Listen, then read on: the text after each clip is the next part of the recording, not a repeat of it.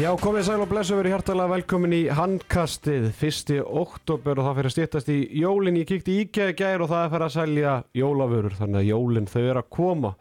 Ég er ekki einn í dag, sérfræðingurinn, hann er aldrei einn. Með mér eru þeir bræðurnir, Rannar Guðmundsson, þjálfur í mestarhans Kvenna hjá stjórnunni og eldri bróður hans, eða eru þið týpurar? Guðjón Guðmundsson. Fættir þessu ykkur árunu Gaman að sjá okkur, drengir. er Herðu, strákar, fjóraða umferðin, henni lauk í gær með stóruleik stjórnunur og hauka. Við ætlum að byrja að ræða þann leik en ég ætla bara að láta hlustinu vita það. að Ég er ennþá sár út í helvitis ponsuna. Þetta leikmannarspjál sem ég fekk í setjubilgin í gær fyrir neðan allar hellur. Rannar, þú ert jakkavarli ég. Tetti gaf mér hraða upp á 30. Já, það er ekki bara rétt eða? Er það? Gömur, þetta er bara tveir enn í dag sko. Já, sko, ég held að þetta var undir belti hjá fastegnasalánum í gær. Þetta var alltaf alveg sko, ég horfði ekki svona á hérna tölurnar sko, en upp á 30 ég, var, að- ég, ég tala ekki við hann eftir þáttin höfum það alveg á hreinu en upp á 30 hann hefði getað sleppt hinn um tölunum ég hefði ekki náð fram og tilbaka ég hefði ekki tekið þátt í leikjunum sko. algjörlega útiloka mál Já, þetta er alveg Málið Marta þetta að hann er alltaf með fallbyrsun á loft en hann á erfitt að taka við sko. Æ, Ég vil bara fá standart og alveg heimavinu sko. ég vil ekki bara eitthvað algjörð þrótt og, og, og, og það er ekki að hérna, já, þetta er alveg sko, ég bara þetta, þetta er svona útskýrða bara hvað þetta veit lítið sko.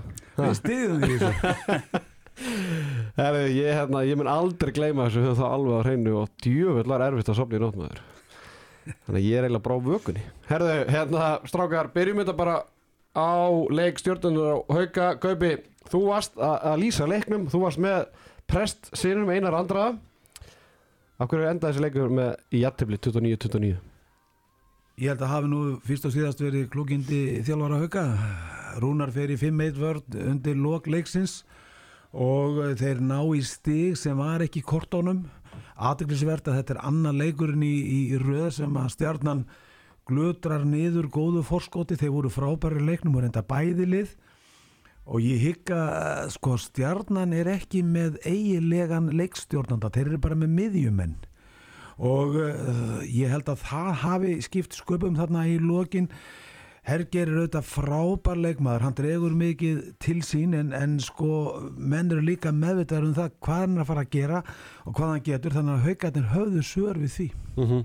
Rannar stigasefnun stjórnunar í byrjun tjöfels fjögur stig eftir fjórar umferðir þetta lítur að vera undir þeirra markmiðum Já, ég held við getum alveg verið heilegið með það og Patti veit að manna best sjálfur að eh, það er alveg rétt en hérna eins og segið þeir náttúrulega með hergir nýjan miðjumann og ég menna það tekur líka alveg smá tíma að koma honum inn og hérna Loksis var líka gaman að sjá tandraði sko aftur inn og hann þarf að stígu upp og ég menna eins og hann sagði var slá flottur hann í gær, veist, hann veit það alveg sjálfur og það eru fleiri menn sem þurfa hérna stíga hann upp.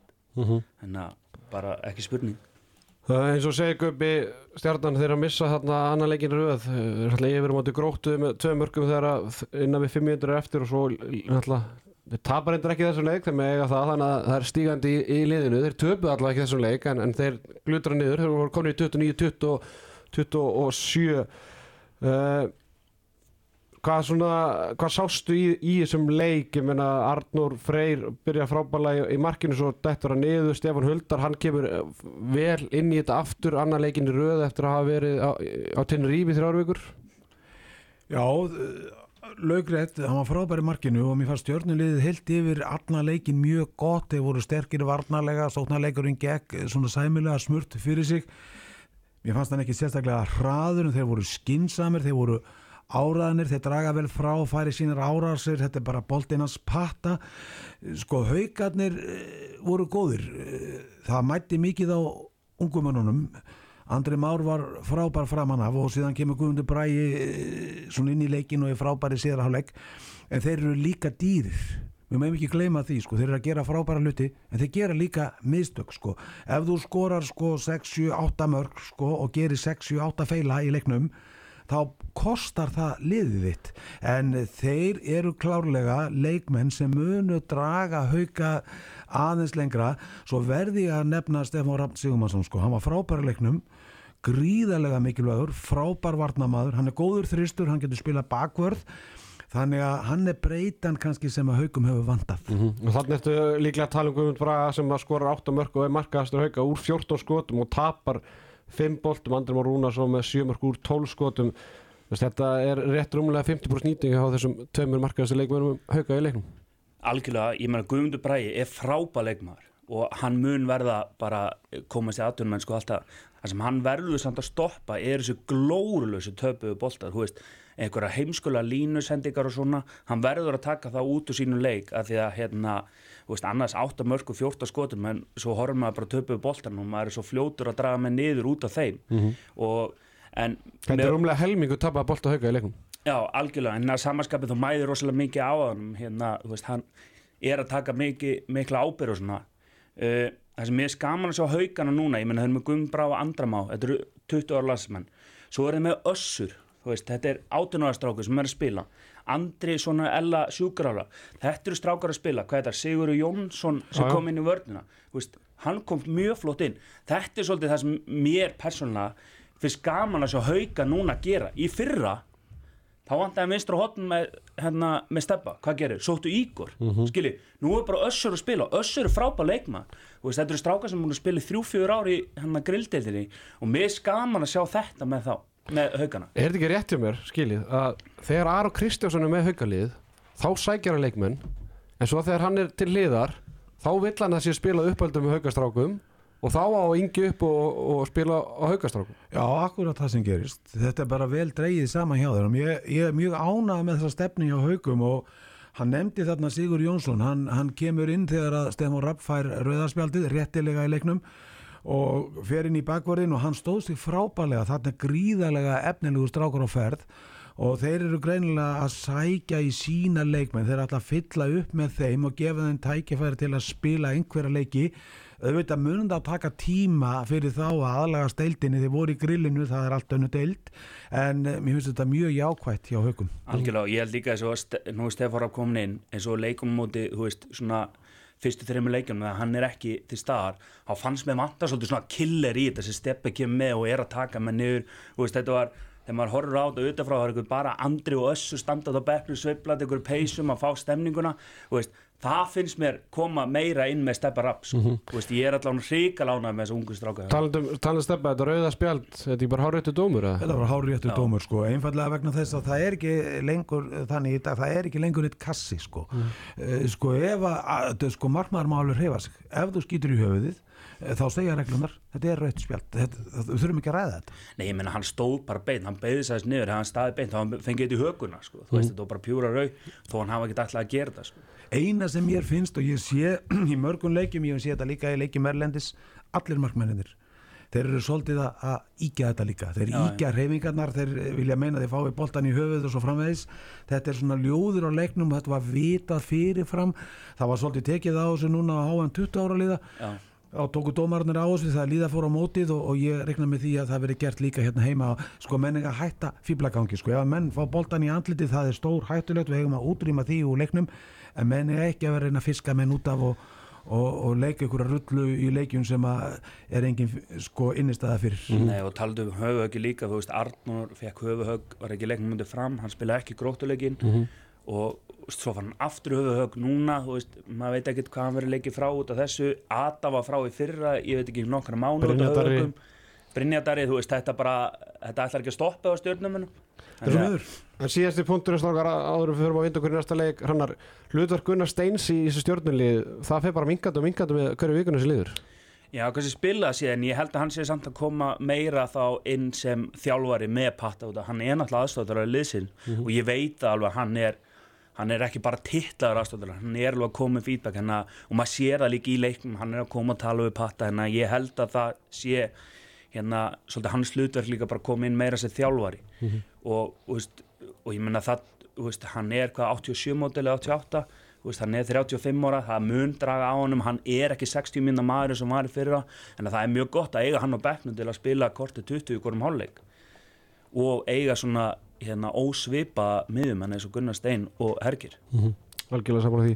Segjum skilu við leikstjórnunar á hauka sem enda eins og fyrir segja 29-29 og förum í skóarsilið þar sem að Íringar, þeir unnu sinn annan sigur á tímabölinu eftir fjóra leiki unnu í nýlega slagnum 35-34 Hrannar, af hverju vann Ír þennan leik?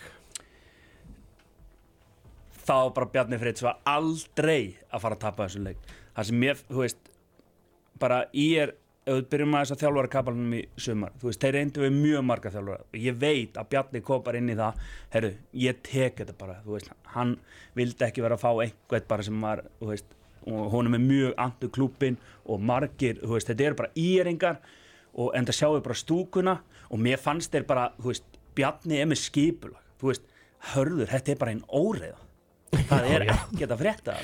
Svona, Þetta veist, er bara svo þjóðatíð á mánudags morgunin sko. Já, en að mér fannst þeir bara, ég meina 35-34, þú veist þessi leiku var bara 5-6-7 marka munur, skoruðu hvað þrjú marka síðustu 30 sekundum, þannig að mér fannst bara ég er bara betri á öllum köplum, það var eitthvað, eitthvað plan, sko. Talandi um Bjarnar, Hanna, þú náttúrulega þekki Bjarnar mjög vel, þið náttúrulega þjálfuðu saman bæði í er og í úlinglandslinni ekki? Jú, ég var aðeins með honum í teiminu í veist, hvað hva hva, hvernig getur líst aðeins Bjarnar og svo er önnur spurning sem af hverju hefur Bjarnar ekki fengið önnu gig en bara ílið sko, Bjarni fær alla með sér, það er, þú, þið getur talað um alla leikmenn sem hafa hann spila, hann, er, hann fær menn til að deyja fyrir sig og það sem kannski öðru sér núna, það sem hafa heyrt innan hópsins og í er og með við þegar, var, þegar við vorum saman á vorum við bara með rosalega gott lið sem við hefum viljað ná betri árangri. Nú er hann bara pressulaus hann, er bara að hafa gaman með strákunum peppa, þeir, peppa þá.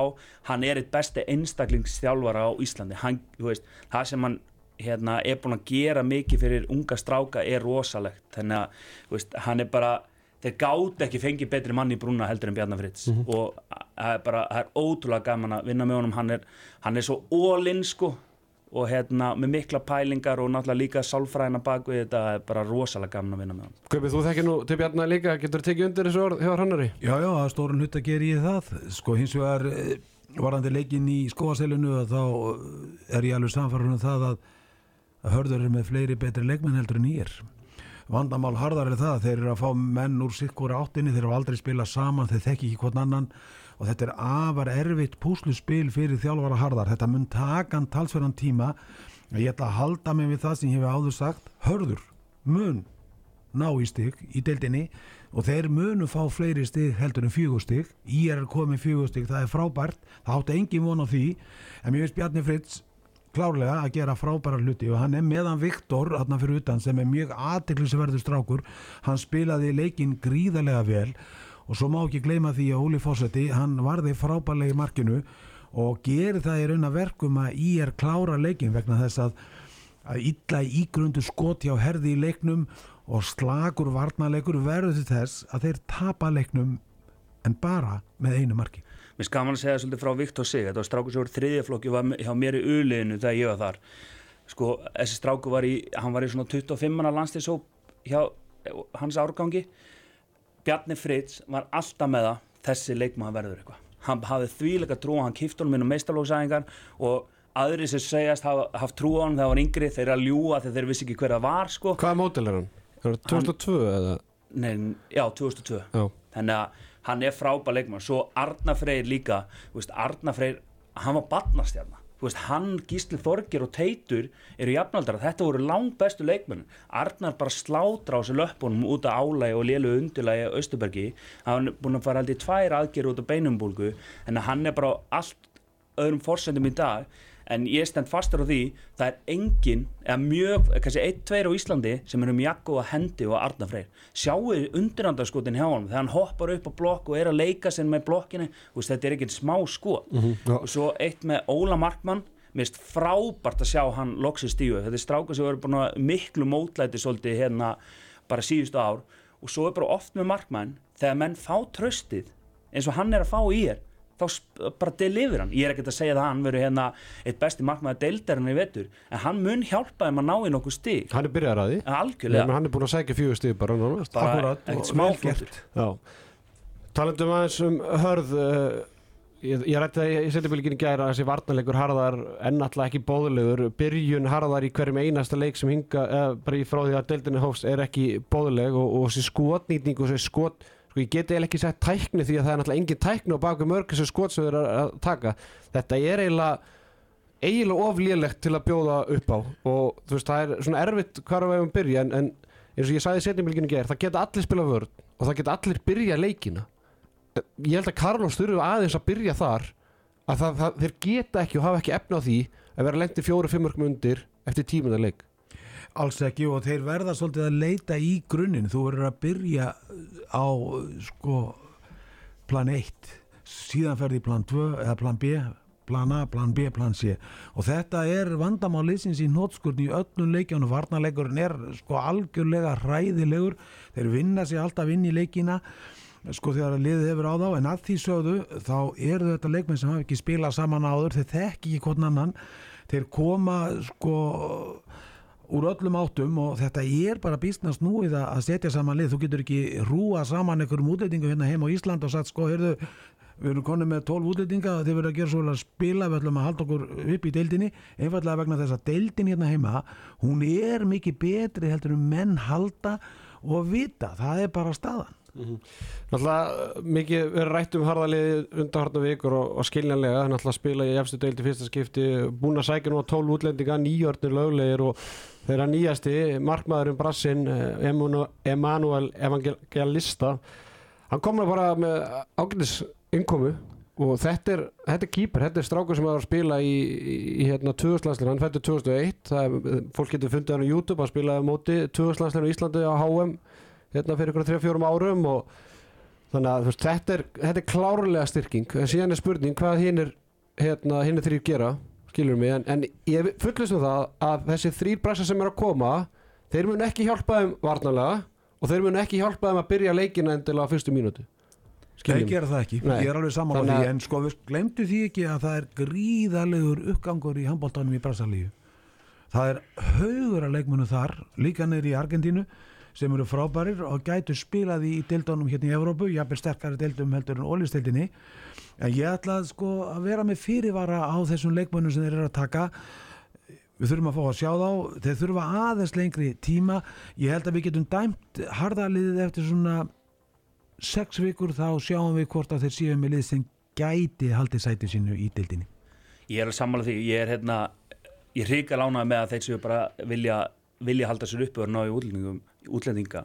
Með þess að brassa útilegmenn núna, ég er að mikill uppgangur hérna í Brasil og Argentinum með handbóltamenn en brassanir ég efast um að þeir sé að koma með eitthvað skipulag og aga í sóknarleikin þeirra. Þetta er örgulega bara direkt einn og einn draga frá búm búm búm svo kemur eitthvað línusetting aftur bak eða eitthvað svona, það er það sem ég er hrættu við. Já, ég er sammála því.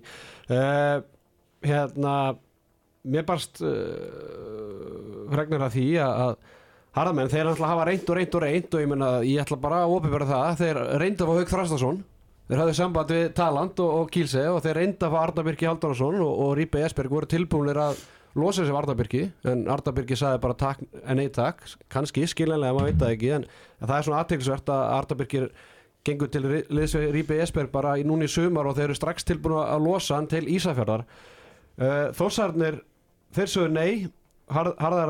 Þórsarnir þeir sögðu nei harð, harðar harðveri að reynda að fá Jósef Vegits nýjastu örfendu skiptuna á láni í sex vikur og voru tilbúin að borga ríflegan pening fyrir það en Þórsarnir sögðu bara nei takk fyrir það. Svona eh, ekki, ekki, ekki skemmtilega sögur á milli kannski Þór, Þór, Þór og Harðar eftir byggaræfintir og byggarflugi hérna fyrir einhverjum tveim árum síðan þannig að þeir reyna og reyna og reyna en það, það er erfitt fyrir þá.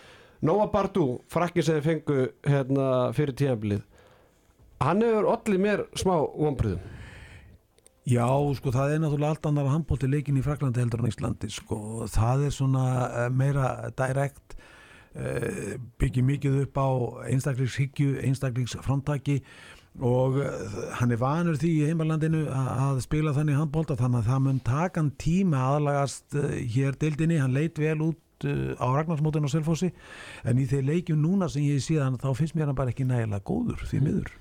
Nei, ég þekki hann að stráka aðeins, ég hjálpa hann maður hérna, með lið á Íslandi, ég sendi, þekki fjölskyldu og umbósmanna sem að ég hjálpa hann maður fá nokkra kontakta. Og hann er alltaf svakalega vildur en þegar hann fær þrjú skrifu upp, þetta er ekki spá sleggja en ég, ég er alveg sammáli, ég er ekkert viss um hann hendi sem bolta hérna en ég sé ég sakna samt að, að það sé ekki að spila svolítið að koma honum í loftið. Mm Veist, hann ná ekkert að vera að velja, hann ná bara að fara upp á tíu metrum á hamra. Þá bara að júki með blokk á, milli- á þristan Já. og hann á bara að skjóta á níu, tí, eh, tíu metrum rúmlega sko. ég er algjörlega sammála því. Og hann er nákvæmlega eins og allir þessir ungu frönsku strákar, þeir eru sterkir sko, þeir fá sér bara kókomjölk og, og krossanda á mótnana og síðan jógurt og dæla í það sigri en þeir líta út alveg eins og nöyt Já, Svo áður við ljúkum umræðunum þennan leik hrannar íringarnir.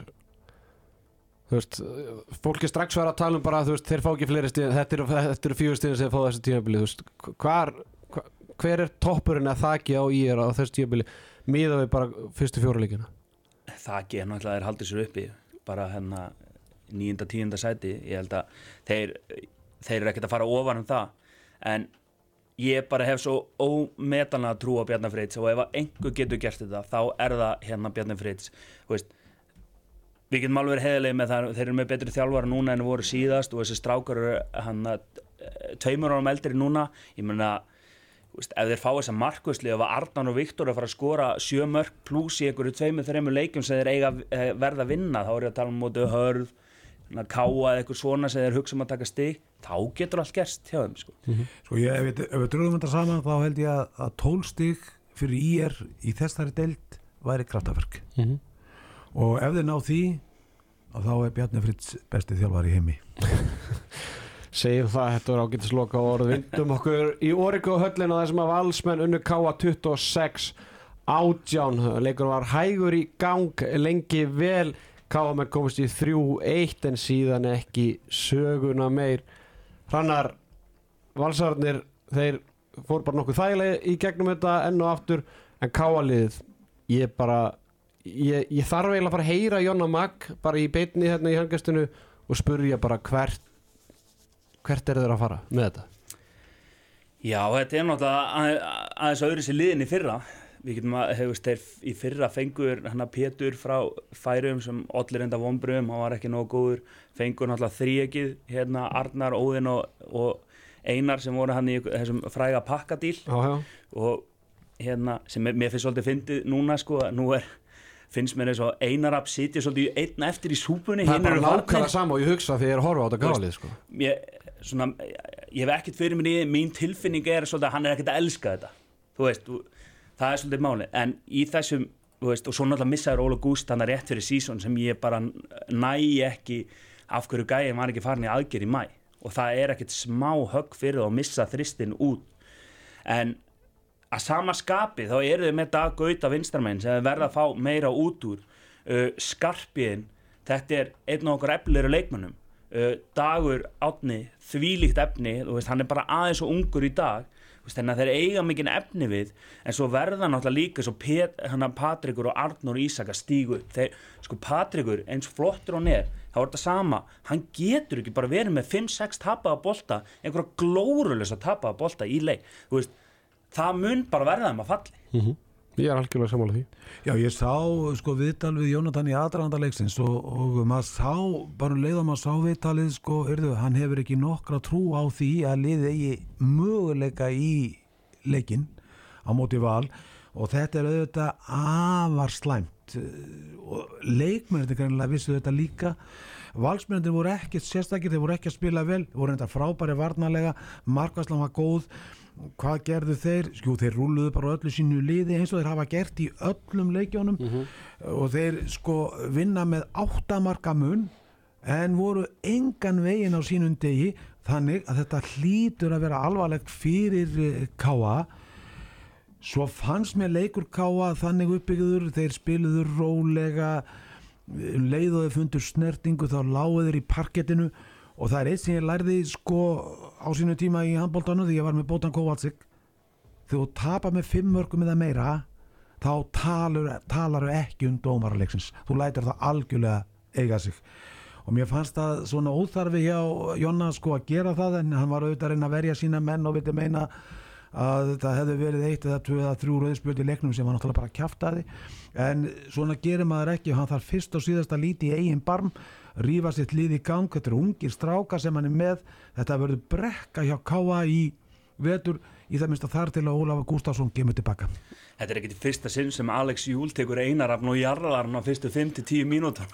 Ég var, ég var bara, einmitt, ég var að horfa á þetta Geri og Teddy og, og þú veist, við þurfum að búa til eitthvað topp 5 listu bara leikmenn, eða svona erjur eina raps við hvaða leikmenn, þú veist, það er að tala um Dag Arnarsson, það er að tala um Eina Braga það er að tala um Alessandur Júliusson, það er að tala um sko Gunnar Mall. Þetta er, þetta er orðið rosalega margi slægi sem henni að taka maður. Þetta er bara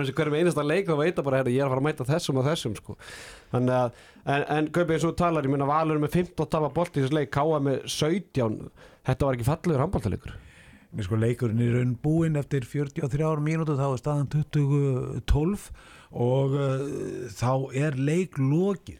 Sko Valur náttúrulega með mjög vel drilla lið, þeir koma vel undirbúin til leiks, þeir treysta öllum það er allir í góðu standi, allir í góðu formi og uh, sko síðustu 20 mínútur leiksins var í raun bara æfingarleiku fyrir val því miður.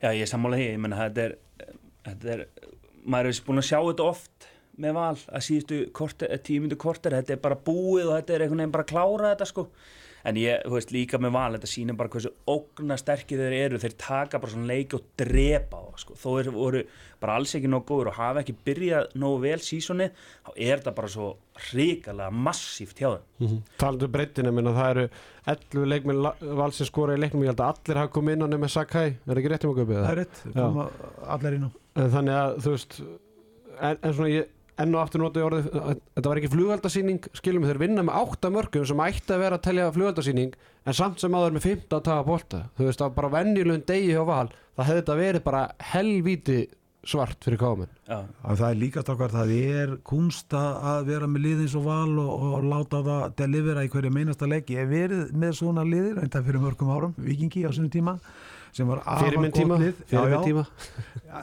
akkurat, en, en sko það er kunst vegna þess að þú þarft að nota alla leikmennina þeir eru að fara í Európa-deildina að vera dreigið núna held ég á þriðuta eða í næstu vika, fimmtuta, ég man ekki hvernig það er. Þannig að þeir eru fyrst og síðast í öllum leikjónum sem þeir hafa spilað. Ég get ekki séð betur, þeir eru fyrst og síðast að hugsa um að koma öllum fyrir, gefa öllum mínútur vegna þess að núna í framhaldinu þá munu þessi leikmenn sem hafa spilað minna núna í byrju mótsins spila meira. Og mér finnst þetta mjög skynsanlega leið sem þeir eru að fara. Ég er ekkert vissum á og veit ekkert hvort hún virki en við höfum bara eftir að sjá til með það.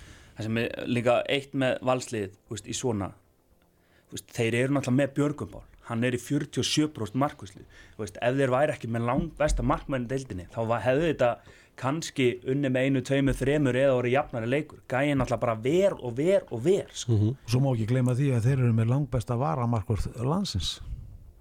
Sakai Motogi. Klárt mál. Já, ég sammála því. Strákar, áður við endum umræðinum um uh, leik Vals og Káa þá, ég verð bara vikina ég hef byllandi áhugjur af, af þessu Káalið og, og hérna, ég kom með setjabilgin í gær, uh, liðsmynd af eins og við tölum á, af Káaliðinu frá því fyrra og þess núna Það aðeins að þýlitu upp, Arnar Freyr Ásarsson var í vinstur hotninu, í gær var þetta Jóhann, eða í fyrir þetta var þetta Jóhann Geir Sæfarsson í, vinstskiptinu var Óla Gústarsson núna er ungu strákarskarpi en Ívar sem bara hef, fekk lítið sem ekkert að spila í fyrra. Jón Heiðar var á miðjunni með Patrik með sér. Í dag er þetta Patrikur og svo er þetta Arnur Ísak Hadsson sem að, jú, er úlingarlandslismæður en var á línunni í úlingarlandsliðinu Einar var í hægri skiptunni með Allan, núna er þetta jú, vissulega, Einar Rapp og Allan. En í hægra hóttunum var þetta Óðin Þór og Allan en nú er þetta Allan og Gauti Gunnarsson. Gauti Gunnarsson var hotnamaður nummer 2, 3, 4 hjá IBF á síðast tíðabili á línunni var þetta Pjætur og Birgir. Núna er þetta Birgir og Haraldur Bolli 20 strákur sem hefur lítið sem enga reynslu úr ólistildinni með Arnar Frey, Óla Gúst, Jón Heiðar Patrik, Einar Rafn, Allan, Óðinn Pjætur og Birgi þá endaði Káa einu stíi frá tíundasætinu fyrra. Skilum við, þetta var ekki meira, meira var í þetta heldur en þetta.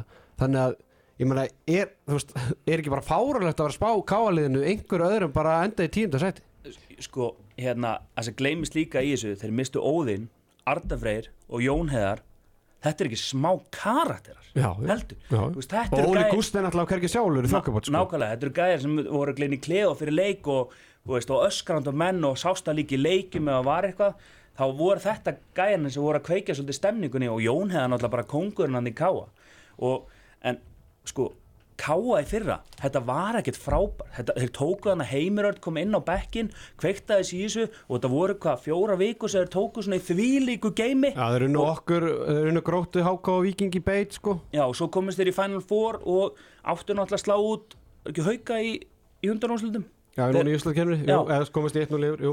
Já, Þannig að- Já sko markmið káa í vetur miða við það sem ég hef séð til þess að hlýtur að vera halda sæti sín í deildinni sko. Ég get ekki séð að þeir sé að fara í áttalega úslitin ég ætla ekki að, að útiloka það að takist en ef þið fá Óla Gúst ekki inn þá verður þetta brekka alla lið. Mhm, algjörlega sammála því Herðu, segjum skilið við leik Vals og Káa sem endaði 26 átján. Förum á Selfoss þar sem að Selfissingur IBF gerði jættefli 31 31 Lokakablin hafa ræsið spennandi. IBF tekur leiklegi í stöðunni 29-28 Þeir jafna metin 29-29 í kjölfærið hleypur Elmar Erlingsson klaufaleg tilbaka, hleypur í gegnum miðjun og fær tvær mínútur.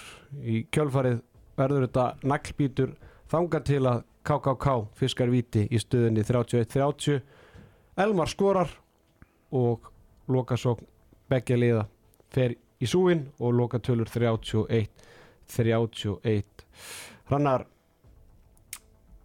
þessi leikur þetta var svona svipað og leikur sem voru að tala um áðan Stjartan Haukar, naglbítur alla leið og það kom hann ekkit rosalega óvart að þessi leikur hafa endað jættöli Nei, alls ekki. Og ég menna IBVF á þessum tíma árs er alltaf bara þvílíkt jójó svolítið. Og hérna, þú veist, þeir eru nekkit hvað að fær frá þeim. Þannig að þetta komur þú veist, ég held þeir myndi vinna hann leik en þetta komur fyrirfram, já, fyrirfram, já, algjörlega samlega því. Og hérna, en sama hérna lokasóknu IBVF eftir tæma og fara inn á demantnum hann að mér ást það svolítið svona Samt svolítið mikið IBF Já, þetta var bara mest IBVF sem ég sé sko en þá hefði maður bara viljað fá rúnar eða sigdrygg í einhverja alveg ára sko Algjörlega, eh, hérna Stegasöflun IBF Inga til, veist Þeir get ekki falið svo bak við eitthvað mikla breytingar. Þetta er nánast bara samanliðið við fyrra nema þeir missa Róbert fá Ísak Rapsson inn og fá frábæra vinstur hóttum en í Janus Tjurhus eitthvað sem þeir voru að tala um að þeim mantaði á, síðasta tíðanbili Þeir eru búin að vinna IR, Jættur mútið K og Jættur mútið Selfos Þetta er allir sem voru spáð fyrir neðan 6 Já þetta er bara sama uppskrift og hefur verið í síðustu árum eða já menn þeir byrja mjög rólega, byrja mjög hægt. Af hverju? Já sko ég, Erlingur er að spila á mörgum mönnum. Uh, þeir uh, æfa mjög þungt held í sumar, þeir eru undirbúðs og undir Európa-keppnina, við meðum ekki gleyma því sko heldur að Rúna Kárásson er 34 ára gama og mér finnst hafa hægst á honum, hann er auðvitað frábær sko ráttamörg gegn selfisingum en það er ekki svona sami kraftur í honum og var í uppafi móts í fyrra þannig að þau þurfa að passa vel upp á hann. Hann er einn með þessa stöðu. Mér finnst Sittrikur Daði líka svona ögn þingri en að væri fyrra en að því sögðu sko þá eru þau með menn eins og Elmar sem að gjör breytir sko þeirra uppleggi í leiknum öllum þeirra hraða sko hann stýrir liðinu algjörlega eins og herfóringi og hann er svona búbót fyrir þá þetta er nýr vingill á liði IBVF svo náttúrulega með markvösluna sko. Þeir verða að fá markvöslu betur en þeir hafa haft. Og auðvitað erum við að tala um það að betar hafi byrjað mjög vel á þessari leiktíð en hann hefur bara ekki hann hefur bara ekki verið stöðugur og uh, þeir sem eiga að hjálpa honum og setja á bekknum með fullri virðingu fyrir þeim þeir eru bara ekki tilbúinir þennan slag. En eigaliðið, ég er mjög hrifin að IBVF, þjálfarinn er gríðarlega öflugur, hann veit nákvæmlega hvað hann syngur og hvað hann er að gera ég myndi ekki hafa miklar áhyggjur að en þó að stigastöfninni núna sé ekki nægilega góð ég ætla að horfa á IBVF liðið í mars. Og þá getum við dæmt á hvernig þið verða vegna þess að þegar þið komið í útlutakefnina þá eru þeir konir í allt annan fasa. Og það er strákar svolítið öðruvísi á Íslandi heldur en til að mynda í Evrópu. Tökum til að mynda Þískaland það er dildakefni ef þú tapar sko í fyrstu 7-8 umförðunum þreymur leikjum þá ertu nánast átt hérna á Íslandi máttu alveg tapa stigum einfallega vegna þess að það er nýtt mót í mass það er bara nýtt mót að byrja, það er úrslutakefnin þannig að liðin, öll liðin í deildinni geta spila sig í form og það er stundum að plata okkur pínulítið.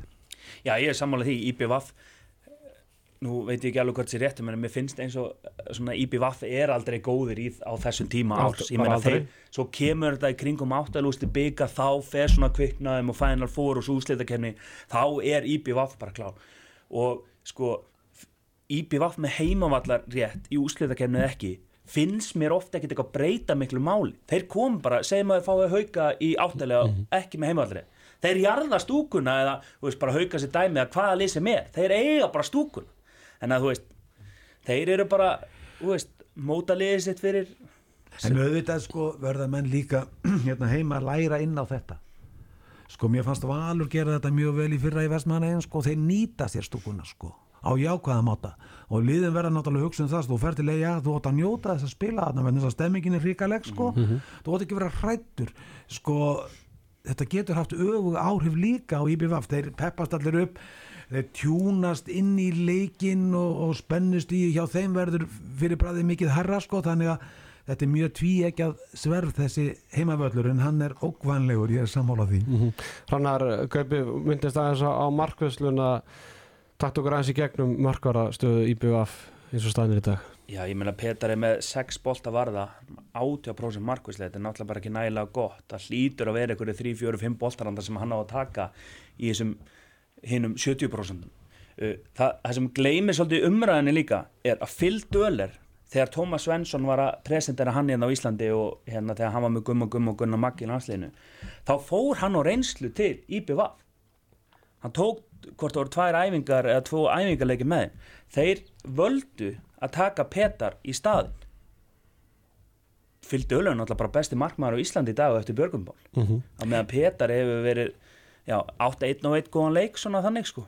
Á þessum tíma held ég sko svo ég takin upp hanskan fyrir IBVF þetta, þá held ég að þetta hafi verið eðlilegt. Einfallega vegna þess að Döller hafði ekki no nokkra reynslu sko, hann var þriðji markvörður hjá Magdeburg þegar hann kemur ynga til Íslands. Hann hafði ekkert spilað Nei. og þeir hjá Magdeburg höfðu ekkert sérstaklega mikla trú á hann nei. Þannig að vandalega sko Ellingur Richardson og, og þeir í, í, í eigum hafa auðvitað, skoða þetta frá öllum Já, liðum algjörlega. Og Petar var með meiri reynslu og fyrirfram á blaði var hann betri markmaður.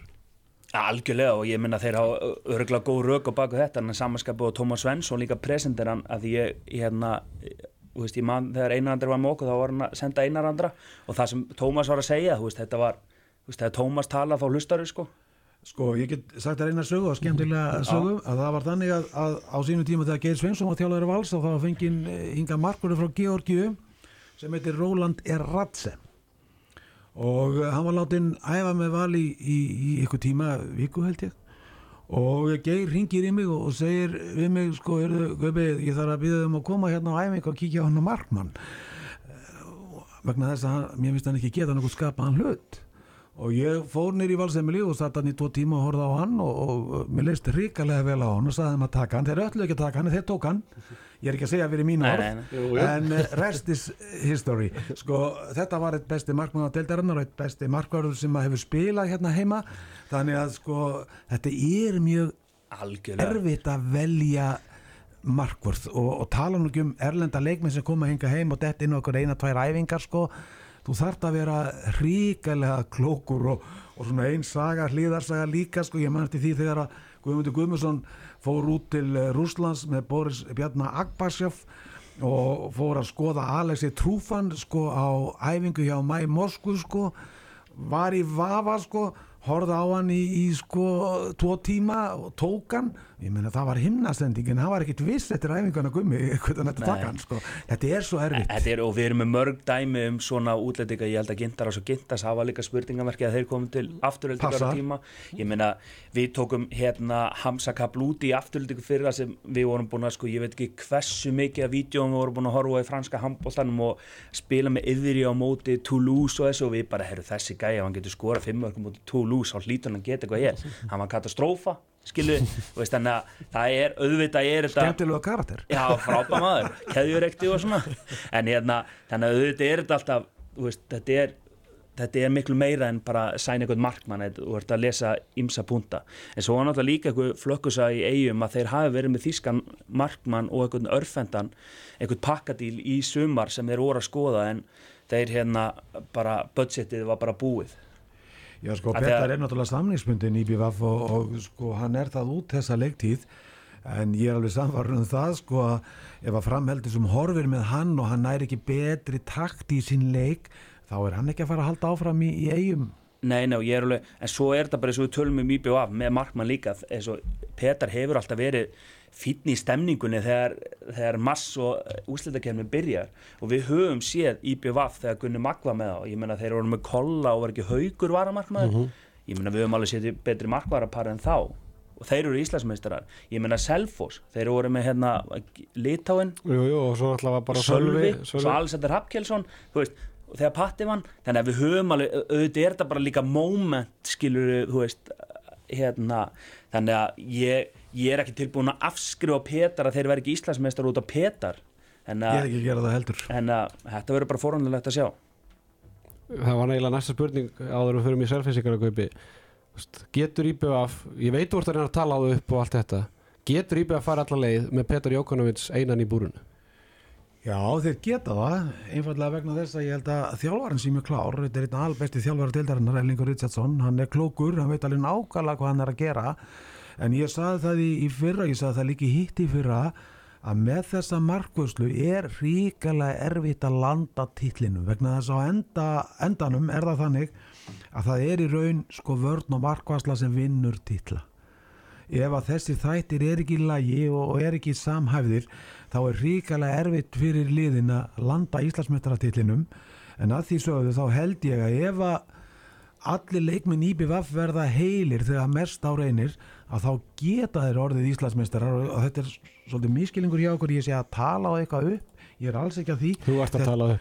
Þetta er bara ógnarstert lið. Þeir eru með Kára, þeir eru með Dag Akkur vinnar ekki. Káa, akkur vinnar ekki Káa og vinn ekki Selfoss? Já sko, svona gerist bara í upphafi móta, sko, það, sko, þú vinnur ekki alla leiki, það er ekki... Þú varst að veltaði fyrir, sko fyrir 5 mínútur varst að veltaði fyrir hvort að Káa myndi halda þessar uppi.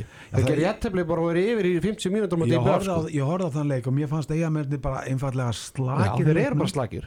og, og sko kannski hafa þeir ekki IBF er ekki að vara á Íslandsmeistar kaupi sko.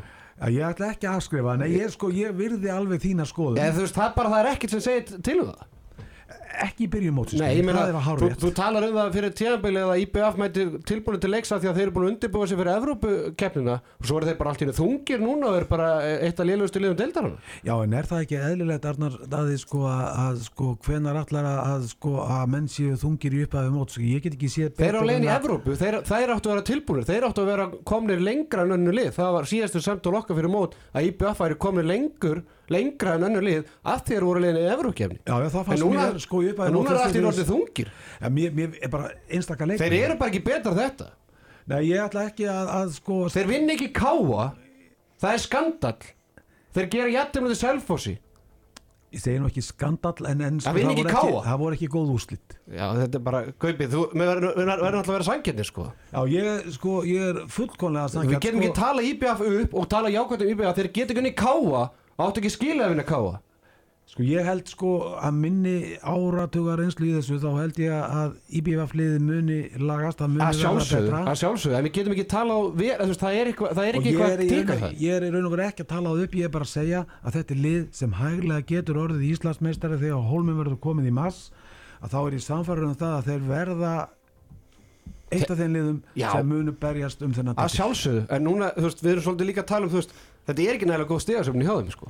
Nei, því miður, hún er það, Það er ekki, bara- ég tek alveg undir það.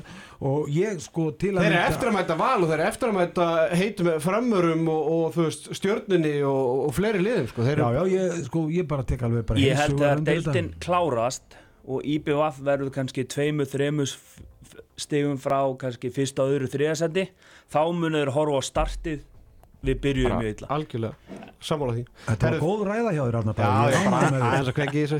Herðu, selfinsingandi, við erum aðeins að við hefum ekki marga mínútur eftir að þessu leik en, selfinsingandi, þeir eru að róskilu kaupi, þú ert búin að hrifin af selfinsingum í upphæði móts, ég skil það vel Einar Sverrisson til hæming með þúsundasta marki fyrir Selfoss, þú ert kóngurinn af Selfoss í dag og verður það næstu, næstu árin. Þóru finnst hann bara hann er að koma mér óvart, stíðasöfnin, jú, vissulega þrjú stíg þetta er búið að vera jafni leikir skilum við að þeir hefða getað klárað þennan leik unnu gróttu í bara sko bara naglbít og svo er þeir óöfnir á mótu haugum þeir bara hefða getað stólið stíja á mótu haugum Ég er bara algjörlega sammálaður, ég er mjög hrifinn af selfhásliðinni eins og það hefur spilað. Ég sá uh, þá á móti haugum, líst í þeim leik, mér fannst þið frábæri sérstaklega í síðarháleik. Þeir eru með gríðarlega góða leikmenn, þeir eru kannski ekki með mjög mikla breytt, þeir eru með Guðmund Holmar, þeir eru með Einarsveris, þeir eru með Ragga, hann kemur inn á móti IBVF, skila fjórum mörgum, hann var góður, Ísak Gustafsson með tvö, allir ævar er ekki með. Þeir eru með Alessandri Markinu, þeir eru með Rasimas, svo eru með unga mannin inn á, á, á línunni. Elvar Eli. Elvar Eli, mér finnst hann frábær. Já. Góður varnamaður, hann er tvítugur, hann er að stíga sin fyrstu spori í deildinni. Hotnamerinnir eru segir, þeir eru góðir. Richard með 100% nýtingu og Guðan Baldur með 100% Og nýtingu. Svo náttúrulega eru þeir með bóndan, Sverri Pálsson, sem er bara sko að gefa beljónum uh, á daginn og hæfa á kvöldin, frábær. Þannig að þetta selfháslið hefur heitlað mig hrikalega mikið og kannski annað sem er aðteglisvert sko með selfhás, það sem ég veit að því að Þóri Ólafsson er bara góðu vinnu minn að sko þeir æfðu mjög rólega í aðdraðanda mótsins. Þeir voru ekki að æfa tvistar á dag. Þeir æfðu bara sinni á dag þannig að mér finnst standið á selfhásliðinu núna það sem ég séð mjög gott. Og mér finnst það lið í dildinni sem hefur komið mér hvað mest óvart hvernig þeir hafa spilað og hvernig þeir hafa nálgast leikin hjá sér. Mhm, Algjörlega. Herru, förum í Moselsbæin þar sem að afturlingunni gróttu 29-25 Hrannar Mosvellingur í, í húðahár. Lítur að vera mikill léttir í, í Moselsbænum að, að ná þessum sigur inn Já, ég held að við getum bara sagt það, þetta var svolítið dúr dag leikur fyrir afturlíku og frábær sigur í þessu leik, þú veist, fyrir mér það voru afturlíku bara, þeir voru betri en gróta í þessu leik, þeir átti að vera búin að þetta átti ekki að vera svona jætt í setna áleik það voru fenguð tvo, þrjá möguleika til að koma sér svona þrjú, fjögur mörki fyrir áleik þá kom, tapa bolti léleg sending fram í hraðalöp og þá keruð þeir og minguð þetta í 1-2 en að þeir fengu móment til að gera svona þetta þurfti ekki að vera alveg svona spennandi hérna fyrstu 50 mínúnar uh, svo náttúrulega hann náttúrulega engi markværslega í fyrirháleik hjá hérna Kukubat en Binni kemur inn og var geggjar og uh, bara svo gaman að sjá hann loksis, þessi 20 ára markmaður veist, hann er tveir metrar veist, hann hefur allt til þess að verða góðu markmaður og nú þannig hann líka bara stígu upp og hann veit að manna best sjálfur þannig að þetta var bara svona stemningssigur Gaupi, náttúrulega saga leiksins en náttúrulega þetta, uh, þetta brot hann á Byrgisteinu upp á leiks uh, sem gera það verkum að gróta bæði missi Byrgistein og afturlík missi Þorsteinli og máttastólpar í, í, í báðu liðum. Og það er svona eins og bara afturlík hafi mátt meira við því að að missa Þorsteinli og að gróta hefði mátt ekki missa Byrgistein Já, þú tegur þetta bara mjög vel saman. Þetta er nákvæmlega eins og ég eh, segi þetta. Birgir Steinn er gríðarlega mikilvægur þessu grótuliði, ekki eh, bara sótnarlega, hann er frábær varnarlega. Hann býr til mörg fyrir eh, liðið. Og ég held að það hafi verið meira áfall fyrir grótt að missa hann heldur en afturlending að missa Þorstein Leo.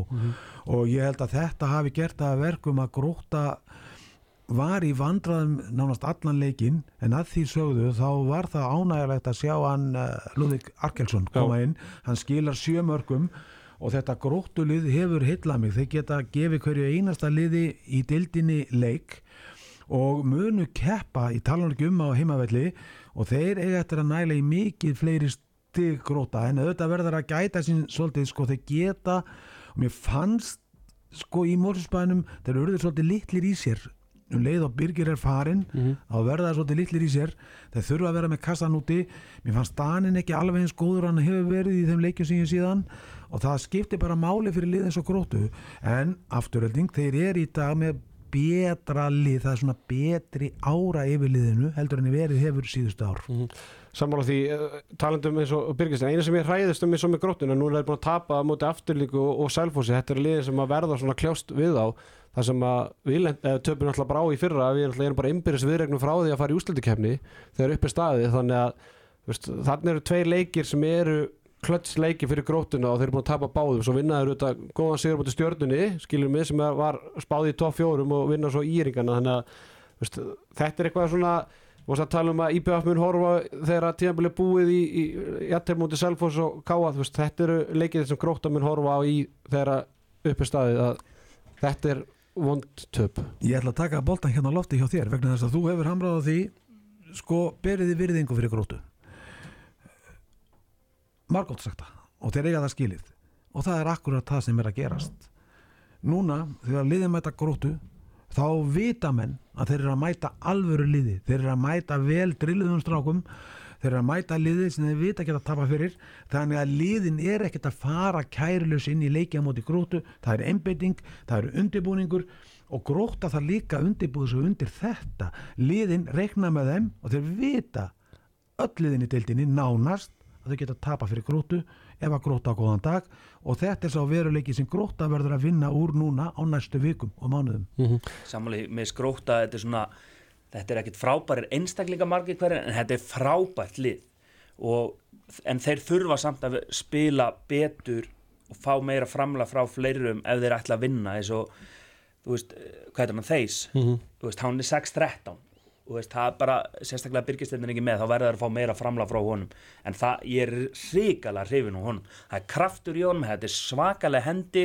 Finn, veist, ég held að hann er bara eftir að vaksa út af því að mér finnst hann hann getur í aðeins betra standi þannig að ég held að hann verður ríkala flottu fyrir það. Mhm, Ég held að þetta bara verið frábær sæning og, og heimnarsending frá, frá Danmörku. Mér finnst þið núna að vera með meiri þú veist, hann getur skotið fyrir utan, þetta er ekki bara byrgisteitt svolítið, þú veist núna. Það er sérstaklega, minna eins og Kaupar tala um Lúðvík Torberg, hann bara æði ekki inn æfingi allan hann er búin að mittur á nýja í allt sumar, að hann er bara að koma inn eftir meðsli og svo vonandi eigar Daniel Griffin sem að já, hefur svolítið verið fjárverandi undanfæra og ekki geta spilað þannig að þeir eiga hann inni en, en hrannar afturlík, þú er alltaf búin að vera að þjálfa í, í Mósusbæðinu undanfæran ár. Hvernig finnst þér að heyra það að sé betra ára yfir liðinu núna en undanfæran ára og hvað er að breytast, eða skilum við hvað sko, það voru náttúrulega bara ég meina bara fullt af mistöku sem við gerðum í fyrra. Við vorum bara móð stóran hóp og kannski ekki nóg góða blöndu, svona eftir á að higgja uh, ég er ekkit ósamála þessu núna, ég meina þetta var frábær sigur. Sigur liðseldarna svolítið hjá afturlíku sko, núna það voru framlag frá öll.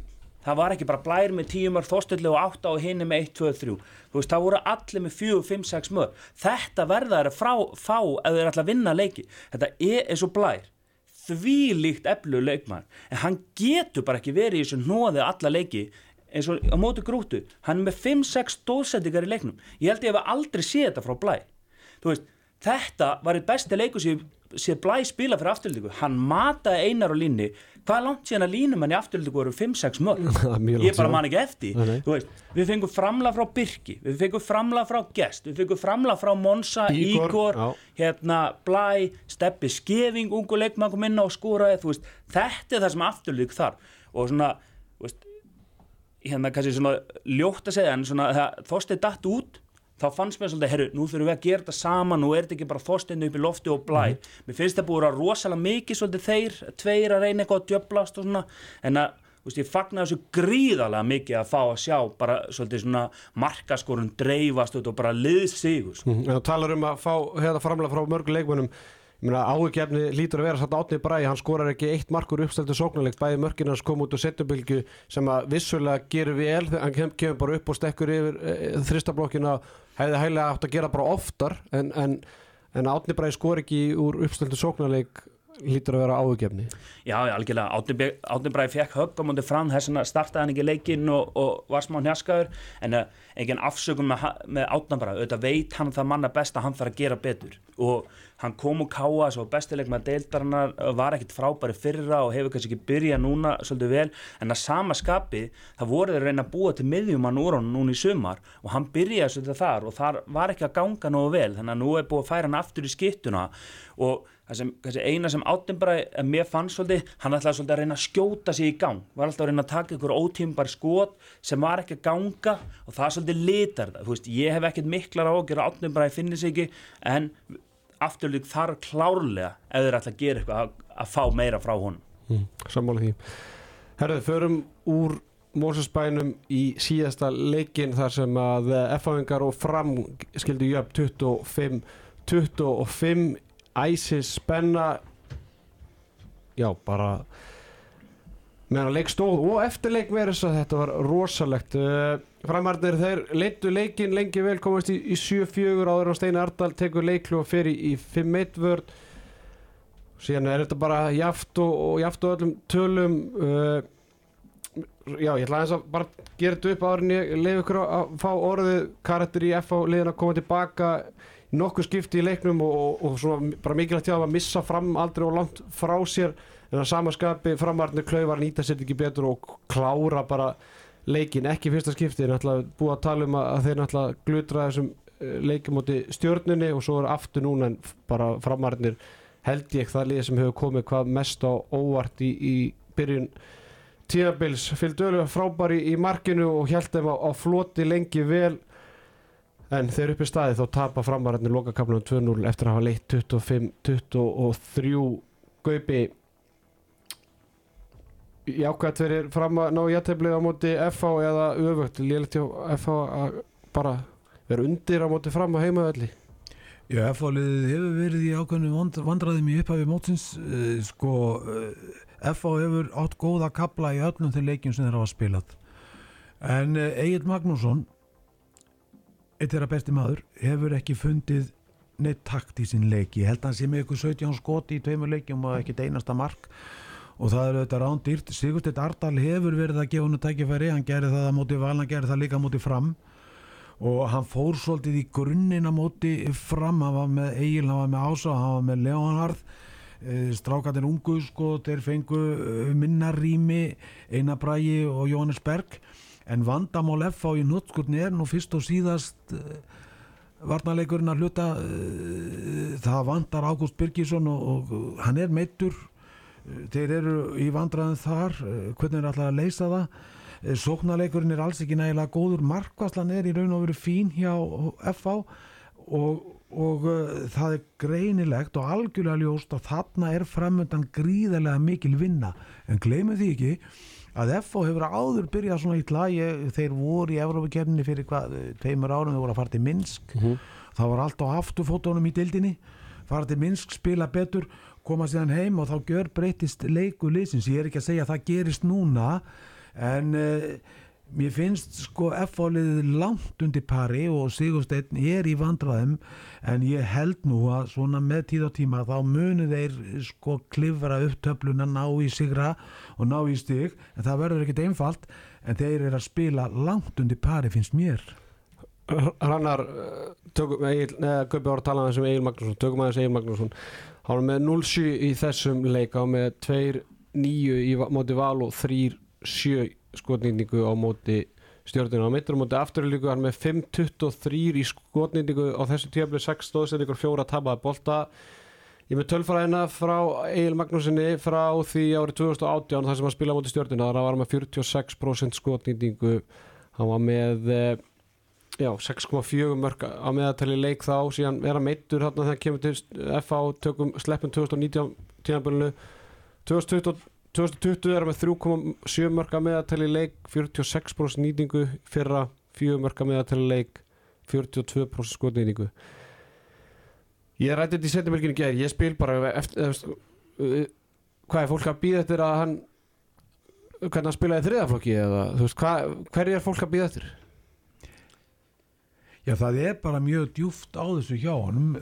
Ég sá hann reyndar mjög góðan í, í Final Four í fyrra, í undanúslutum að móti val, þá var hann frábær og spilaði líklega sinn besta leik, meiði síðan í, í leiknum. Hann hefur engan takt fundið og Sigursteinn Ardal þjálfari að fá tekorinn á sínu tíma væntalega með því fórorði að hann geti bætt við hann og komið honum til hilsu en þetta hefur því miður verið saga Eils alveg frá því að hann fór í atvinnum mennsku til tím Tvís og Holstebrú mm -hmm.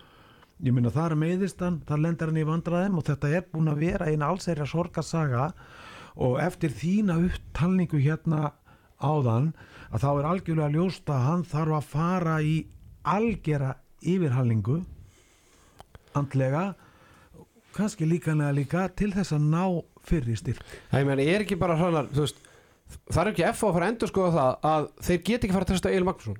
Skilum við, þú veist, við vorum að tala um að Herger Grímsson skilum við ætti að vera svona supersub eða, eða skilum við svona, þú veist, ekki endilega leikmæri sem að stjarnan þarf að treysta á.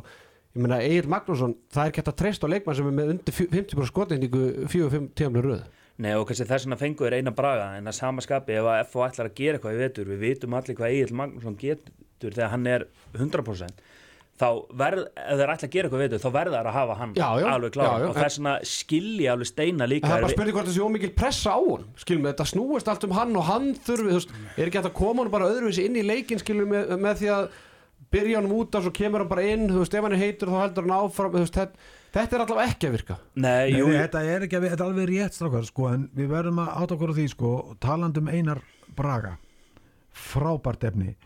sko, um það er bara ekki það sama að spila með F og HK sko, heyrðu hann spilaði með HK á síðustu leiktið sko, hann var með 20 skot og kannski 11 mörguleik og menn heldur hvorki vatnin í vindi yfir en það þarf líka að spila honum inn í þetta Já, sko. akkurat, sko, það þarf líka að ge- gefa honum rými. Og hann mun ekki gera þetta hjá FH nema Nei. að fáið tækifæri til þess að spila á aðlægarsleiknum ég held að það muni taka lengri tíma heldur en menn reiknuðu með vegna þess að sko ég held bara hann var svona, hvað getum við sagt hjá Háka þá gæti bara gert nánast það sem Já. hann síndist það saði ekki neitt, neitt og uh, allir hrikalega glæður ánaðir en hjá FH er það bara ekki bóði en ef hann fær ekki sko mínútur ef hann fær ekki tíma þá mun hann ekki til að lifera með FH og þessari leiktið í það minnst ekki fyrir áramót. En ef eitthvað er, þá er bara eina bara of passífur. Já, en mér, mér veist að þetta var næsti punktunum með með Einar Braga og Jónasberg þetta er bara allt annað dæmi. Við sjáum blæ í afturlíku veist, þetta var strákur sem gerði allt í háka og svo áttur hann komið, af, komið afturlíku og hérna, ekki miskil með blæri frábært efni og þvílíkur íþróttum en þetta er bara allt annað dæmi þannig að þetta mun taka Einar Braga og Jónasberg aðeins meiri tíma. En með eigin mag þá þurfa þær að fá hann í gang en ég er sammála að gaupa, hann þar heldur líka bara að fara í svona nafla skoðun og aðeins svona þú veist, bara gera þetta 100% eða ekki sko. Að mér finnst það líka þokkar, það er ósangjant sko að, að draga F-áðingarna saman þannig að sko þeir get ekki nokkuð skapaðan hlut og þetta sé allt í hersöndum einfallega vegna þess að í öllum leikjónu sem ég hef séð á spila þá hafa þeir átt mjög góða kabla bæði vörn og sókn en þessa kabla þurfa þeir að lengja og þeir get ekki skýlt sér á bakvið eitt eða neitt, þeir eru með góðan leikmannahóp það er valin maður í hverju rúmi og þeir þurfa fyrst og síðast að horfa inn á við náðu þeir að gera það, þá munu þeir ná betri árangri og sapna stegum Já, ég er með eitt punkt í viðbótu FH sko, í fyrra þá var endaði FH í öðru sætið ekki? Topp tveir markmenn í deildinni voru Björgur Páll og Phil Döler með yfir 36% markvæsli minni mig Döler er afreits núna 31,8% hann var reynda frábæri þessu leik með 39% markvæslu veist, þessir auka bolta sem Phil Döler hefði gefið þeim sem hann var að gefa þeim klárlega í fyrra því að mér fannst í fyrra oft FO ekkert að spila frábælega en Phil Döler var bara með 40% markvæslu og þá bara unnu En Rannar, þá voru í þrista lokinni Ágúst Birgisson og Ísak Rapsson Já, Jó, Jón var reyndar að spila alveg slatta líka Já, já, en sko þá voru þessi tveir í þristablokkinni og það hjálpar auðvitað Phil Döler. Já. Það hjálpar honum ekki núna hvernig þristablokkin er hjá FA í hverjum einasta leik á löngum köplum er bóðið upp á útsölu. En og er- það er ekki bóðið. Það er eitt punktur líka með það sem ég veit ekki hvort þið stærri. Pálmar Pétursson náttúrulega markmannstálfur hann náttúrulega hætti núna í sumar. Það getur líka verið eitthvað. Hann er, hann er eitt besti markmannstálfur í Íslandi. Mm allt svona hefur áhrif og, en, en hvað búist að tala um eins og með FH ég, meina, ég er algjörlega sammála og bæði lið við höfum kannski búin að gleyma þess framörum við hans bæði lið spila taktist bara mjög vel í þessu leik en auðvitað er bara erfitt þegar þú ert búin að spila eitthvað góða taktík og ert að fá góð færi fyrir skiptunaðinnar að eh, Einar Bræði hann skorar eitt mark í leiknum það er frákasta línu. Egil Magnússon er með 0 mörkur 7 skotum, Jóhannes Bergum 1 mörkur 3 skotum, Vissulega með fiskavíti tvær stóðsendingar og, og, og að það er eftir góðurum, fín innkoma í honum. Leonard frábær með 6 mörk Ásbjörn með, með 5 mörk Einar Sindrakjöf með góða hérna, innkomu en þú veist, taktist var, þetta er alls ekki heilalaust, skiljum mig, eða lélegt í höfum, en þeir þurfa alltaf bara að koma boltanum fram hjá markverðinu í, í markinu, en vindum okkur aðeins í, í framarana strákar sem eru taplisir eftir fyrstu fjóra umfyrirnar og þeir eru ekkert, sko talandi um byrjuninu hjá IPVF eða, eða þar eftir göttunum, ég meina þeir vinna Selfoss nokkuð sannfærandi í, í fyrstu umfyrir gera í ettir múti stjórninu sem að allir spáðu góðu gengi vinna fram á, á heimavelli nei, vinna afturleiku fyrir ekki og svo jættur múti FH veist, þeir eiga eftir með fullu vinningu, þeir eru eftir að spila við hörð, þeir eru eftir að spila við káa, þeir eru eftir að spila við gróttu, ír, skiljiði mig. Þannig að þessi byrjun á, mótinu þetta lítur bara að gefa þeim helling fyrir þessi komaskal en það er heljarn að prófa framöndan hrannar, þeir eiga val í næstu tveimur leikum hvernig sérðu þessa leiki fyrir þér fram valur, þetta er bara eins og í úsliðakefni það er bara leikur á mándag og aftur á 50 eða fyrsta Ég er hrikalega spenntur fyrir þessu leikum hérna fram er kannski eitt af þessu liði sem er komið mest á óvart. Þeir eru múin að breyta svolítið. Hérna, veist þessu hvað er keira rosalega mikið, veist það er mjög gaman að horfa á. Og eins og við tölum um áðan þá á Valur svolítið inni finnst okkur. Og þetta verður rosalega skemmtilegt matchup núna Valur fram. Og, og verður gaman að sjá þessi lið spila Marko Korits á, á línunni hannar hefur hann heillað þig, aðdurumæður sem kemur frá Bregans Nei, mér finnst hann ekkert búin að vera eitthvað frábær til að vera heðalur en svona eins og Gaupi kannski bent á hann þá er hann að koma úr allt öðru sér deild. Þannig að, þú veist, hann á örgla bara eftir að vaksa ásmegin þegar kemur aðeins Samanlega því Gópi Já, ég held ég að sagt það áður sko, þeir eh, báðir útlendingarnir hjá framleik í Austuríki með Brekans, það er alltaf maður handbólti leikin í Austuríki heldur hann á Íslandi hann er mun hægari það er svona rólera yfir hlutunum hérna er meiri æsingur, það er meiri hraði og það mun taka þessar leikminn smá tíma að aðlagast þessum aðstæðin sem eru hérna á, á Íslandi en ég er algjörlega sammála því sem að ranna var að tala um þetta er þessi leikur á móti val er þetta stort pró eh, fyrir fram en, ég legg þetta nú kannski öðruvísu upp. Þetta er líka svolítið stórt pró fyrir val framöndan Evrópakefni það er verið að draga í vikunni þannig að, valstarnir þurfa að býta í, í skjaldarendur. Uh, þeir hafa ekki stíð á bensininum í einu leik á móti FA að mér finnst þá fóruður í þriðja gýr en okkur finnst öllum vantarlega að þeir eiga fjórða og fymta inni. Það er spurning hvort að það gerist að móti fram en þetta er mjög forvitnilegu slagur í báðar áttir bæði fyrir fram, hver er styrkur fram og hver er styrkur vals mm -hmm. Hrannar, fær hérna innan við mínútu að, að tala vel um framarinni í upphafmúts Sko, það sem er- mér, mér heitlast af bara kraftinu þeirra, þú veist, þeir bara keira og keira og keira og það er, það er ekkert hík og þetta er náttúrulega svolítið eins og handbóltaningar sem múin að breyta síðustu fimm ára, nú er bara þvíli keisla og við hérna í íslensku deildinni kannski búin að sjá mest með val. Uh, sko, hæri vængurinn hefur með flottur. Og ég er ríka lána með ungu strákana Kjartan Július hérna, Stefán Var Arnalds Já, á miðjunni, hopnamaðurinn mjög skemmtilega leikmenn svo eitt með línumann, meina þeir eru með Þorvald á línunni sem var ofta tíu mjög flottur í fyrra og er með betri skotnindingu við Marko í dag, þannig að þeir eru ekkert með einhvern bara á bekknum. Þeir eru með Þorvald sem er búin að spila hann í 2-3 sem er ár. eitthvað búin að klíma við mikil meðsli og það er kannski já. ástæð fyrir hann ekki spila meira en, en byrja fram á tíðanbylunu bara virkilega góð eins og fram eins og ég nefndi áðan en, en ég er mjög spenntur fyrir komandi leikjum hjá, hjá liðinu. Strákar, við erum uppgjörið úr fyrstu eh, fyrst, eh, úr fjórðu umfyrinni því er eh, lokið og við ætlum að eh, spá að spekulara í næstu leikjum og síðan ætla ég að koma með topp 5 lista við leikmið sem verða að gera betur og hita mál í grill 66 deildinni. Strákar, það er bara 1x eða 2 Þið fáum fleiri leiki en hinnir þar sem að, jú, það eru tveir frestaði leikir hérna sem eru framöndan á morgun, hörður IPVF 1x eða 2, Gaupi? Tveir. Hrannar. Já, tveir. Og alveg fram mánundaginn 3. oktober, Gaupi? Já, einn. Herðu, svo komið að fymtu umferðinni. Þar er eins og áallt mjög aðklisverði leikir Byrjum þetta í eigum, það er IPF stjarnan, Gaupi Ég skal byrja tveir X Já, ok, það er uh, byrjun IPF, það heldur bara áfram, þeir ætla ekki að fara að safna stigum. Hrannar spáir stjórnum sigur á meðan í Gaupi spáir jættefli. Káa Ír. Tveir Jáhá. Grótta FH á nesinu. Tveir X Þið megi alveg verið sammála, sko. Herðu, fram valur þá leikur tvö í, í Ólafsróttal. Tveir tveir Já, ok, það er nú alltaf einhver mýta af það að get ekki unni tvo leiki í röð þegar liðið mætast á skömmu tíma en, en svo mýta það er búið að klára hana. Hörður Selfoss á Ísafyrði? Einn. Já, Já, ég segi tveir þar ok. Og svo er það loka leikurinn í fymtu umferðin, það er uh, haukar afturhelding, það er Ígor Kopsinski slagurinn. Tveir Já, þetta voru aðteglisvært, ég held að aldrei verið gestir sem voru jafn ósamala í spá, þannig að við förum aðeins yfir þetta.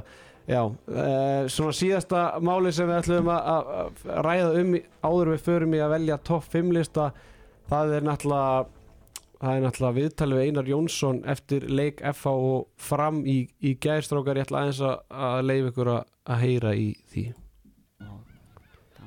Nei, þetta er ekki að gerast. Það er, þáttur ekki komin inn á hérna hann er ekki komin inn á hérna, sarpin þar sem að að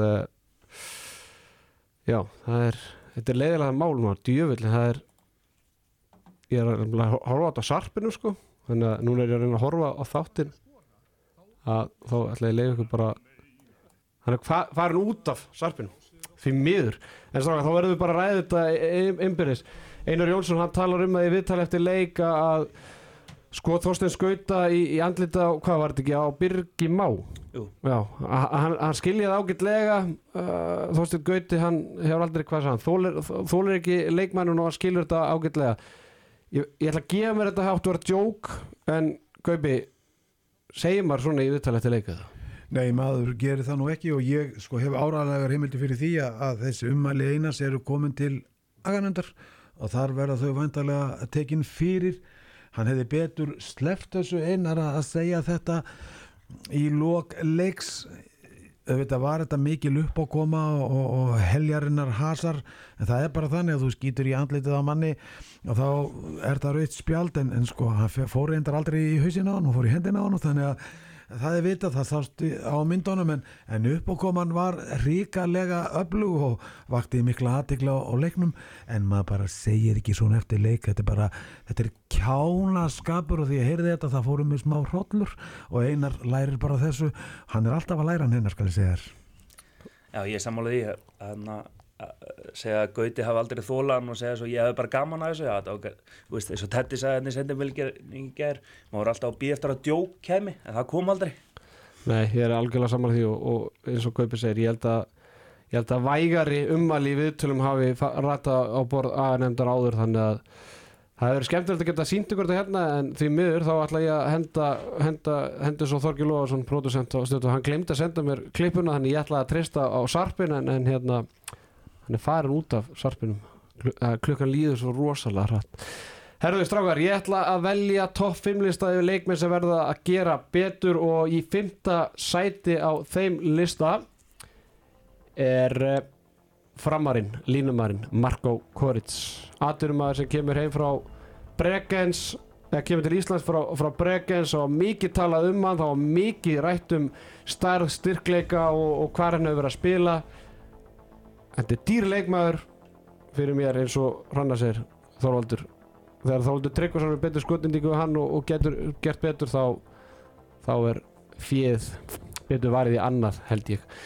Í fjórðasæti hann var ofar á listanum fyrir leikin í gær en uh, í fjórðasæti Tandri Már Konráðsson búin að eiga einn góðan leik af uh, þessum fyrstu fjórum en loksins hitt hann á leik en hann, það var ekki nægilega mikið til að hann geti horfið af listanum en Tandri Már Konráðsson hann verður að- gera betur. Númer þrjú. Leikmaður sem skoraði ekki uppstiltum sóknarleik í fjórðu umferðinni hefur verið í basli með skotnýtinguna er í nýju hlutverki í Moselsbænum Átni Bræi Eyjólfsson. Hann verður að gera betur og ef hann gerir betur þá fara stígin að hrannast inn í Moselsbænum ég skal lofa ykkur því. Í öðru sæti yfir leikmenn sem verða að gera betur eftir fyrstu fjórar umferðarnar miðjumæðurinn í Káa sem verður að bera meiri ábyrð á því að tap ekki boltanum Patrikur Stefansson fimm tapa bolta í síðustu umferð 0 merkur, 3 skotum og þetta er svolítið bara saga Patriks á þessu tímabili. Hann verður að stíga upp. Þeir eru bara ekki með leikmenn til að bera þetta upp. Einar Rapp getur ekki gert þetta eitt síns liðs. Í efsta sæti yfir þá leikmenn sem verða að gera betur ég held að það kom ekki neinum óvart. Egil Magnússon 0 mörgur 7 skotum í leik gegn fram í þessari umferð. 2-9 á móti val og 3-7 á móti stjörnunni. Meittur á móti eftirlingu Egil Magnússon var í nafla skoðun Gaupi borgar fyrir þetta. Gaupi, sammála þessu lista? Já, ég er eiginlega alveg sammálað þessum lista. Og þú er ekki öðru eftir Nei, nei, sko, eh, ég er bara eh, tek alveg undir þetta. Alla þessa leikmenn ég er svona alltaf að gefa samt línumanninu hjá fram aðeins smá líflínu. Ég held að hann þurfi aðeins uh, meiri tíma og uh, ég bara innilega vona það að leikmaður eins og Egil Magnússon rífi sér í gang. Þetta er afar góður handbóltamaður að báða mendum vallarins og uh, það er hlutverk Sigursteins Ardala að koma honum í gang. En ég held að orðið kannski ögg meira bast með línumanninni fram hann, það mun taka hann lengri tíma heldur en Egil Magnússon. Það er allavega mín skoðun. Eitthvað sem er tandram á við erum alltaf veist, við erum alltaf að býja eftir um einhver nýju tíu marka leik frá honum finnst mér svolítið umfjöldurinn það gleymist að Tandri er að spila þrist líka í Passar. stjórninni og hann er að gera það frábælega en hann, mér finnst hann aldrei fá neitt kredit fyrir það sko. Það er alltaf bara að býja eftir að Tandri veri hérna 8 og 8 með 10 stóðsendingar hann það er þvílitt mikið sem mæðir á hann með vörninni veist, hann er á fullu.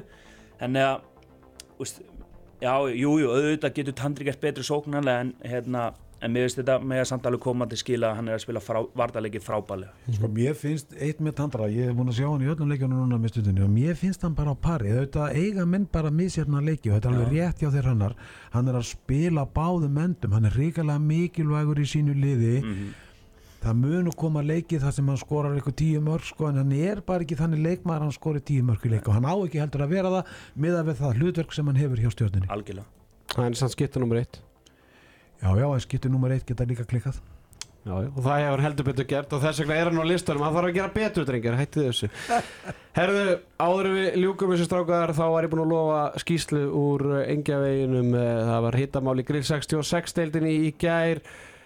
Ég skupaði fyrstur allra landsmanna og í kjölfarið fóru aðrir veðmiðlar að fjalla um málið Uh, sögulínan er svo annan september þá byður haukar um frestun á leik fjölnis og hauka í grill 66 deildinni. Fjölnismenn segja hart nei. Ekki að teyrist úr engjavegin í, í þrjáru vikur það er ekki fyrir síðasta mánudag fjóruðum fyrir leik að fjölnismenn fá símtali aftur erum aftur beðnir um að fresta leiknum.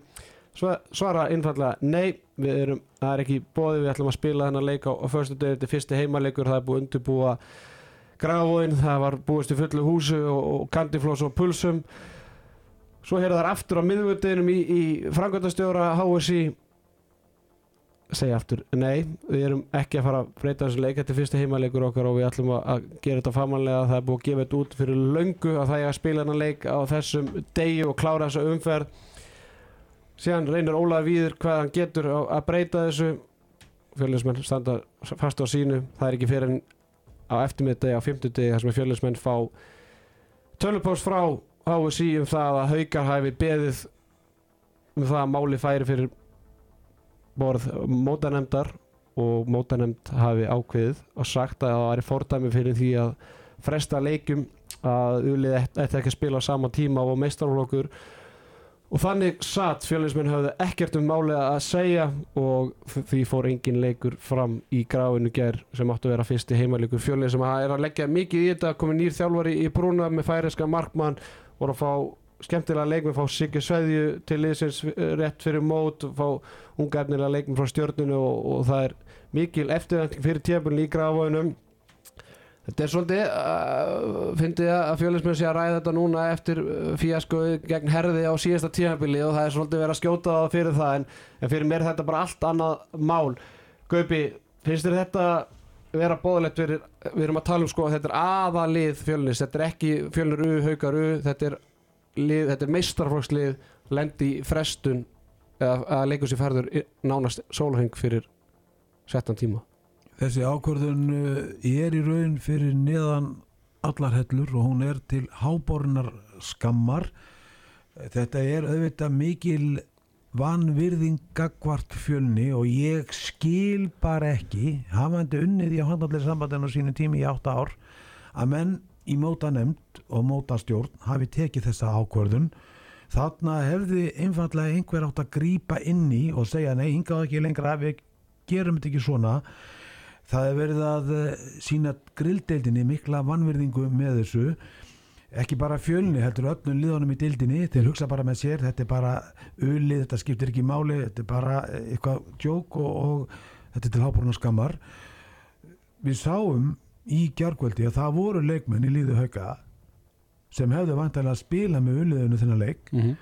væntalega þess vegna hafa haugarnir farið fram á þessa uh, frestun og þeir hafa haft mann með meiri vikt sem hafði samband við mótanemnd handónlýssambansins Mhm. heldur en fjölni ykkur starra nafn sem þeir tóku meira mark á og þarna hefði frangvandastjóri sambansins átt að grípa inn í en ég hygg nú svona gamalli reynslu og þekkingu á, á starfinu þarna innan hús að hann hafi bara ekki haft hugmynd um þetta mál og, og ég er alveg viss um, um það að Robert Geir Gíslason hefði gripið inn í og stöfað þetta en þetta verður ekki tilbaka tekið en þetta er því miður bara til háborna skammar þetta geti gerst og þetta er ríkaleg vanvirðing gagvart fjölni og auðvita allri deildinni því miður.